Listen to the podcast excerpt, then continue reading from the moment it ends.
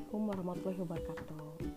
Selamat datang di podcast Millennial Talk Dan di episode keempat ini kita akan membahas tentang praktek manajemen di lingkungan global.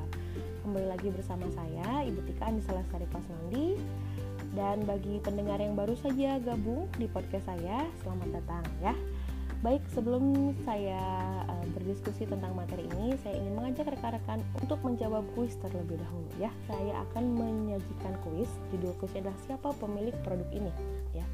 Silakan rekan-rekan diambil pensil dan juga kertasnya, kemudian ditulis angka 1 sampai angka 5. Ya, ketika nanti rekan-rekan sudah tahu jawabannya, silahkan ditulis saja jawabannya di kertas tersebut. Baik, kuis siapa pemilik produk ini merupakan salah satu cara untuk melihat seberapa globalnya pasar dewasa ini. Dan uh, dengan menebak negara asal dari produk yang kita kenal ini, Anda mungkin terkejut karena uh, mungkin Anda tahu nama produknya tapi tidak menyangka bahwa ternyata asalnya itu dari negara yang mana gitu ya. Baik, kita langsung saja untuk pertanyaan nomor satu, mohon didengar dan disimak baik-baik. Pizza beku Tombstone dan Di Giorno adalah produk dari sebuah perusahaan yang berbasis di apakah A. Italia, apakah B. Amerika Serikat, apakah C. Kanada, atau apakah D. Swiss.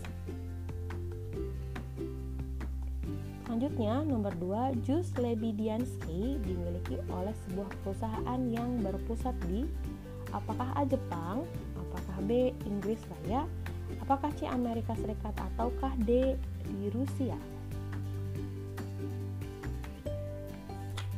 Selanjutnya, nomor 3, rempah-rempah raja. Ya. Rempah-rempah raja adalah produk dari sebuah perusahaan yang berpusat di apakah A Amerika Serikat, apakah B Brazil, apakah C India ataukah D Swiss. Rempah-rempah raja. Yang keempat, tetli tea. Tetli tea atau teh tetli ya. Bukan teh tika tapi teh tetli dimiliki oleh sebuah perusahaan yang berlokasi di mana? Apakah A Inggris Raya, apakah B India, apakah C Jepang ataukah D Spanyol? Tetli tea. Nomor 5, Shu Fuji International Confectioners ya Shu Fuji International Confectioner dikenal sebagai sebuah perusahaan yang berbasis di apakah A Swiss, B Tiongkok, C Amerika Serikat ataukah D Jepang. Baik, sekarang kita langsung cek saja ya jawaban kuis siapa pemilik produk ini. Nomor satu adalah Swiss, ya, karena Nestle sudah memberi membeli sekaligus merek pizza baku Tombstone dan Di Giorno dari Kraft pada tahun 2009. Untuk jawaban nomor 2 adalah Amerika Serikat karena perusahaan pembuat jus Lee Bediansky telah dibeli oleh Pepsi dan Pepsi Bottling Group pada Maret 2008. Sedangkan nomor 3 jawabannya adalah Amerika Serikat karena Raja Spice ya adalah produk dari divisi saus Lea and Perrins yang telah dibeli, dibeli oleh H.J. Hayes Company pada Juni 2005. Nomor 4 jawabannya adalah teh tetli tadi ya tetliti jawabannya adalah India ah, karena merek ini milik Tatati Group anak perusahaan konglomerat India atau Tata Group ya dan yang terakhir adalah Swiss karena apa? Karena Nestle membeli kendali produsen penganan manis Tiongkok ini pada tahun 2011 seperti itu. Ayo, ada berapa yang benar, ada berapa yang salah.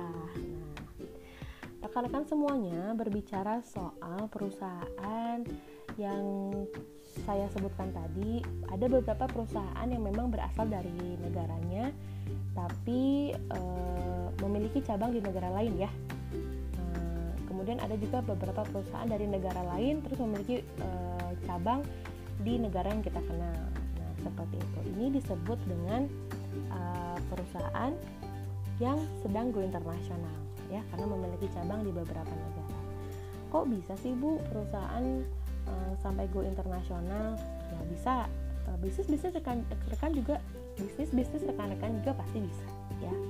Untuk itu, kenapa pada pertemuan kali ini kita membahas tentang perspektif global ya.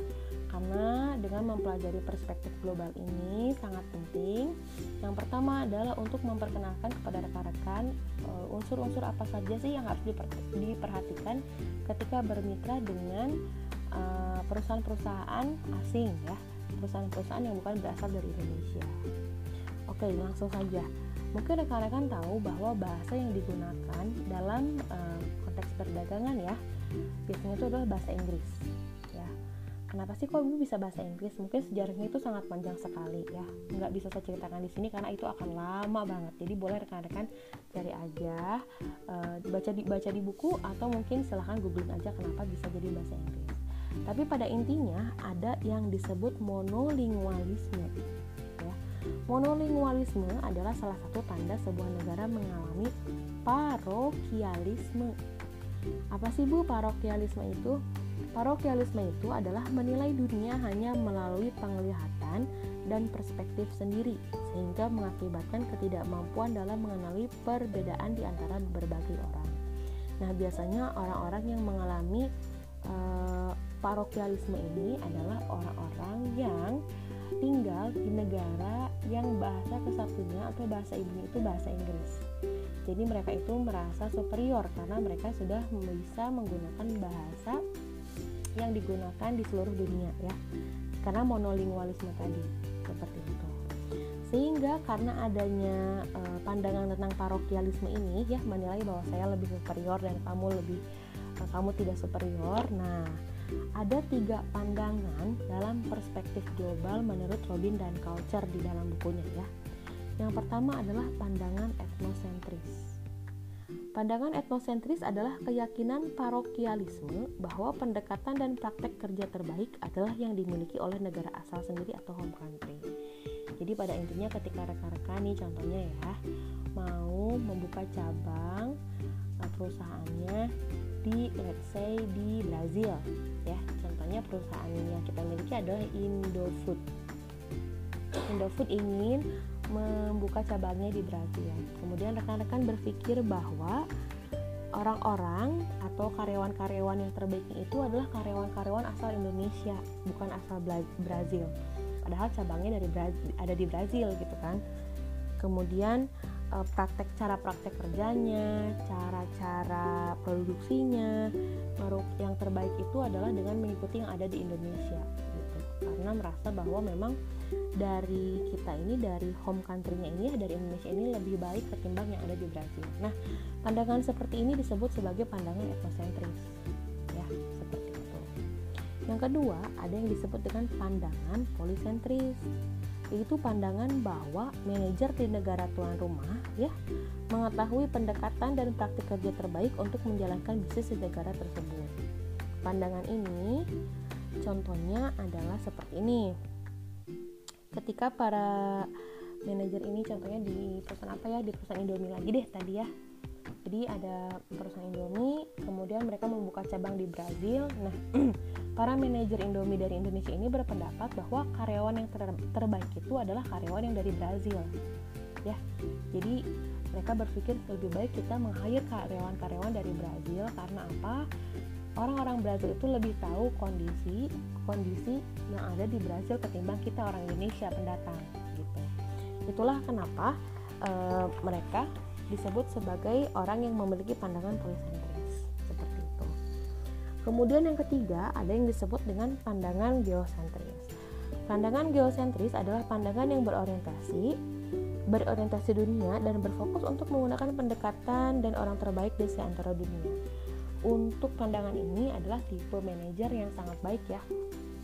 Karena ketika mereka ada di sebuah perusahaan dengan SDM sumber daya manusia yang e, bermacam-macam dari berbagai negara e, dia akan berpikir bahwa semuanya itu baik. Ya tidak melihat dari latar belakang, tidak melihat dari mana-mana, tapi dia akan berpikir bahwa semuanya itu baik dan semuanya akan memajukan perusahaan. Nah, pandangan ini disebut dengan pandangan geosentris seperti itu. Oke, untuk memahami lingkungan global ya, ketika rekan-rekan ingin go internasional, kemudian lingkungannya secara global, nah rekan-rekan juga yang pertama harus mengetahui ada apa saja sih persekutuan perdagangan regional ya karena apa? Karena ketika rekan-rekan mengetahui ini, biasanya akses-akses untuk melakukan ekspor impor itu akan lebih mudah ketimbang rekan-rekan tidak mengetahuinya sama sekali gitu. Karena persekutuan perdagangan regional ini biasanya dibentuk e, berdasarkan wilayah. Contoh ada Uni Eropa atau European Union ya, EU merupakan persekutuan ekonomi dan politik dari 28 negara demokratis di Eropa. Kemudian ada lagi yang disebut dengan North American Free Trade Agreement atau NAFTA yang merupakan perjanjian antara pemerintah Meksiko, Kanada, dan Amerika Serikat yang telah mengeliminasi halangan-halangan dagang. Ya, karena biasanya ketika kita berdagang lintas negara itu ada halangan kayak halangan apa namanya kebijakan-kebijakan yang berbeda antar negara, ya tapi ketika kita mengetahui ada persekutuan persekutuan perdagangan regional seperti ini, nah semuanya akan uh, lebih mudah seperti itu. Selain NAFTA, ada juga yang disebut dengan Association of Southeast Asian Nation atau yang disebut dengan ASEAN yang merupakan aliansi dagang 10 negara Asia Tenggara. Ya, seperti itu. Para anggota ASEAN, ayo, ada yang tahu nggak? Siapa aja? Nih, Myanmar, Laos, Thailand, Kamboja, Vietnam, Filipina, Brunei, Malaysia, Singapura, Indonesia ya. Dan masih banyak lagi aliansi-aliansi dagang lainnya. Nah, selain itu ada juga tentang perdagangan global ya, mekanisme perdagangan global. Perdagangan global antar negara tidak terjadi dengan sendirinya nih. Ketika isu-isu perdagangan muncul, sistem perdagangan global memastikan bahwa perdagangan tetap efisien dan efektif. Memang salah satu realitas globalisasi adalah kesaling ketergantungan antar negara.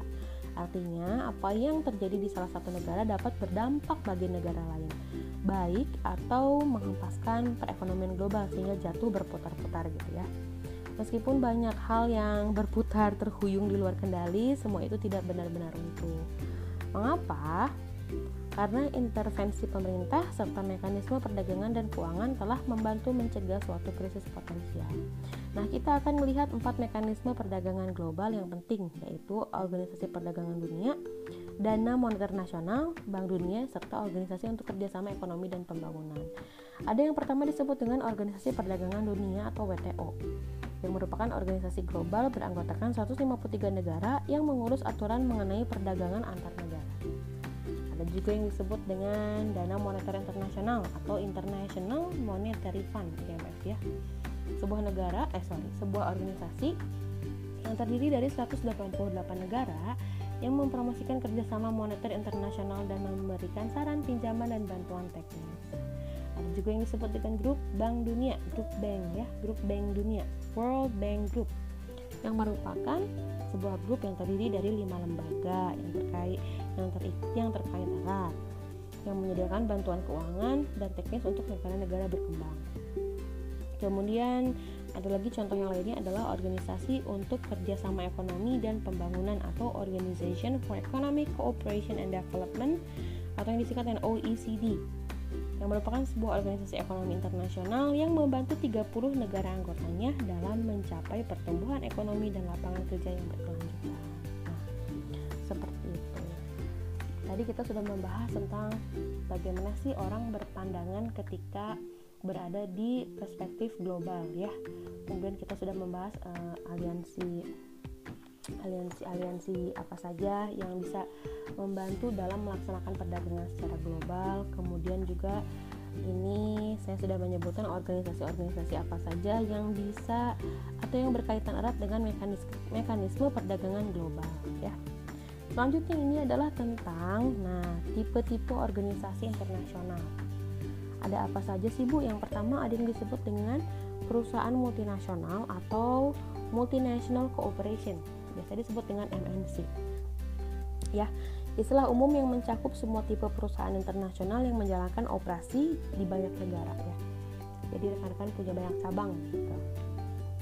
Kemudian yang selanjutnya ada perusahaan multidomestik atau multidomestic operation dalam bahasa Inggris yang merupakan perusahaan internasional yang menjalankan desentralisasi manajemen dan keputusan-keputusan lainnya ke negara lokal. Contohnya adalah Nestle yang berbasis di Swiss ya, adalah perusahaan multidomestik yang menjalankan operasi di hampir setiap negara di dunia nih. Para manajernya mencocokkan produk Nestle dengan konsumen. Nah, di beberapa negara di Eropa, Nestle memasarkan produk yang tidak dipasarkan di Amerika atau di Amerika Latin. Nih, contohnya ada Frito-Lay. Ya, divisi Pepsi memasarkan chip Dorito di pasar Inggris dengan rasa dan tekstur berbeda dengan versi yang di pasar Amerika. Seperti itu. Banyak perusahaan produk konsumen yang mengelola bisnis global mereka dengan pendekatan seperti ini karena mereka harus mengadaptasikan produk mereka terhadap kebutuhan pasar global. Ya betul sekali. Contohnya aja mungkin hmm, apa ya mie samyang deh contohnya. Mungkin level kepedes uh, level pedasnya yang ada di Korea itu lebih rendah contohnya ya lebih rendah ketimbang yang ada di Indonesia. Karena yang di Indonesia ternyata flavornya itu di diadaptasi karena lidah orang-orang Indonesia ini harus yang benar-benar strong banget gitu pedesnya gitu. Jadi ditinggiin lagi. Atau mungkin ada komposisi-komposisi yang dihilangkan. Contohnya misalkan kalau yang ada di Korea samyang itu uh, uh, apa ya non halal ya non halal nah, tapi karena di Indonesia mayoritasnya orang muslim maka komposisinya diadaptasi sehingga menjadi uh, makanan halal seperti itu Kemudian yang terakhir ada perusahaan global atau global company. Ini merupakan perusahaan internasional yang mensentralisasi mensentri, sorry, mensentralisasi manajemen dan keputusan-keputusan lainnya di negara asal. Kalau tadi kita beradaptasi ya, yang tadi perusahaan multidomestik itu um, beradap, mer, beradaptasi beradaptasi dengan negara asal. Nah, kalau ini perusahaan global company ini tidak mereka tetap memegang teguh standar-standar yang ada di negara asal seperti itu ya. Oke. Nah rekan-rekan semuanya jika rekan-rekan memang berminat untuk melakukan go internasional ya uh, atau misalkan ingin memiliki pengalaman bagaimana sih bekerja di perusahaan multinasional dan bisa bertemu dengan uh, teman uh, berbeda background atau mungkin ingin berpartner nih berpartner berkolaborasi dengan uh, perusahaan dari luar negeri. Jadi itu beberapa aspek yang harus diperhatikan. Yang pertama adalah cara pandang kita ya terhadap isu-isu global itu seperti apa, etnosentrik atau apa, ya. Kemudian juga kita harus mengetahui aliansi-aliansinya apa saja, organisasinya apa saja, dan juga tipe-tipe perusahaannya itu apa saja. Dan ada juga beberapa faktor lain yang mungkin harus rekan-rekan perhatikan. Aduh, yang pertama adalah seperti faktor politik dan hukum. Ya, contohnya jika rekan-rekan mungkin mau membuka cabang sebuah produk, produknya ini uh, packaging ini dengan menggunakan botol plastik nih contohnya. Di negara um, di negara Mesir contohnya. Nah, apakah di Mesir ini mereka punya kebijakan terhadap uh, penggunaan botol plastik atau enggak?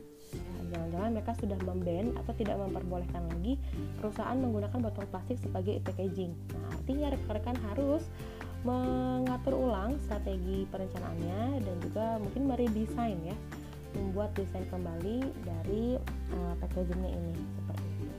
Yang kedua adalah ada faktor lingkungan ekonomi.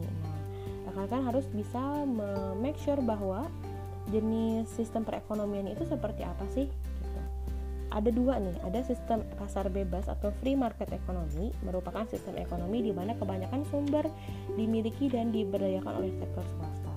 Dan ada juga yang disebut dengan ekonomi terencana atau plan ekonomi yang merupakan sistem ekonomi di mana keputusan-keputusan ekonomi ditetapkan oleh pemerintah pusat. Seperti itu. Nah, baik rekan-rekan semuanya. Uh, akhirnya kita semua sudah uh, sampai di uh, akhir dari podcast ini. Saya harap rekan-rekan semuanya bisa mulai memikirkan kira-kira jenis perusahaan rekan-rekan itu uh, jenisnya apa? Apakah sudah mulai uh, terencana ke arah uh, multinational company atau ke arah yang mana? Apakah rekan-rekan sudah memiliki pandangan yang etnosentris, polisentris atau geosentris atau ataukah rekan-rekan punya keinginan untuk uh, bergabung dengan aliansi-aliansi perdagangan yang tadi ya ada ASEAN dan yang Baik rekan-rekan semuanya, uh, sampai sini dulu untuk podcast kita pada kali ini. Uh, semoga apa yang saya sampaikan memberikan sedikit manfaat dan insight buat rekan-rekan. Terima kasih sudah mendengarkan. Sampai ketemu di kelas ya. Bila hidayah. Wassalamualaikum warahmatullahi wabarakatuh.